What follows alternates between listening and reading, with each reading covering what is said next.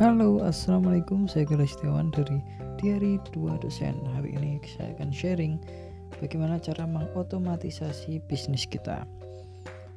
Langkah paling mudah, paling dekat adalah merubah semua sistemnya menggunakan digital. Cara paling mudah ya pasti bisa karena kan kita mungkin jualnya jualannya bisa di marketplace atau bisa di toko offline, bisa di Facebook, sosial media atau langsung promosi ke website kita.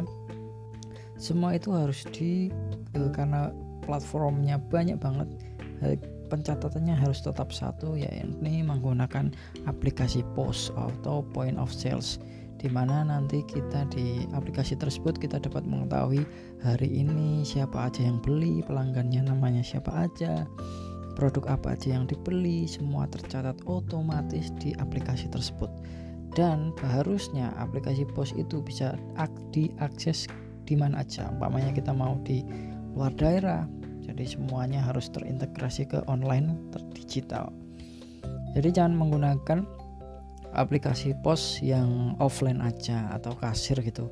Kasir di kasir yang zaman dahulu kan off biasanya hanya di lokal aja jaringan lokal aja dan um, dan itu lumayan ribet juga ya karena sebelumnya saya juga berpikiran apakah mau menggunakan aplikasi pos offline point of sales yang offline ataupun yang online? Karena memang kalau mau beli aplikasi pos online itu cukup mahal biayanya untuk saya untuk ukuran UMKM mungkin cukup mahal yaitu sekitar ada yang sampai um, berapa ya 100 sebulan bisa atau juga ada yang sampai 350 per bulan mungkin ya.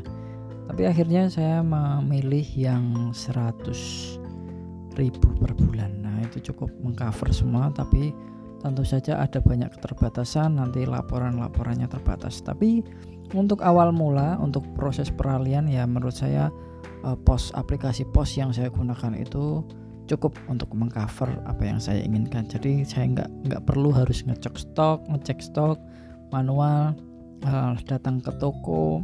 Jadi melalui aplikasi tersebut kita mengetahui apa yang terjadi dalam toko kita. Entah jualannya di marketplace, sosial media ataupun di website langsung. Jadi semuanya harus tercatat di situ. Itu sih menggunakan aplikasi POS adalah uh, langkah awal untuk mengotomatisasi dari bisnis kita. Jadi nanti uh, harapannya kita kita bisa uh, mengawasi uh, jalannya bisnis kita menggunakan uh, aplikasi tersebut. Nah, tapi terbatas di bagian sales aja. Nanti kan kalau di pos kan nggak ada nggak ada namanya juga pos ya point of sales. Jadi mengcover untuk bagian sales aja. Sedangkan dalam bisnis itu jangkauannya sangat besar sekali yaitu bisa marketing, bisa yang lain sebagainya. Itu sih sebenarnya uh, kalau marketing nanti menggunakan aplikasi yang lain.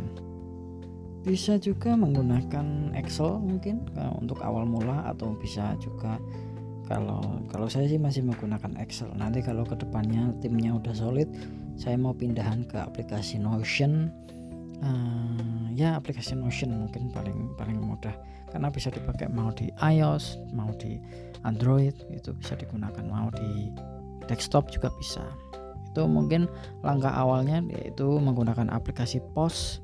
Kalau sudah kalau sudah bagian salesnya udah terdokumentasi dengan baik baru lanjutkan ke langkah marketingnya menggunakan aplikasi Notion. Nanti nanti kalau uh, di Joyo Alkes sudah menggunakan uh, Notion nanti akan saya share di podcast di hari dua dosen ini oke mungkin itu aja sih hmm, sebuah uh, perubahan bagi saya yang cukup besar yaitu menggunakan aplikasi pos yang sangat membantu. Jadi kita saya jadi saya bisa mengecek perkembangan penjualan dari bulan ke bulan.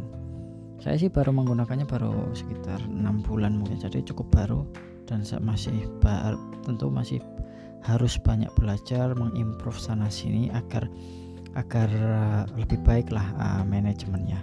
Oke, gitu aja mungkin sharing dari saya. Terima kasih, sampai jumpa. Wassalamualaikum. thank you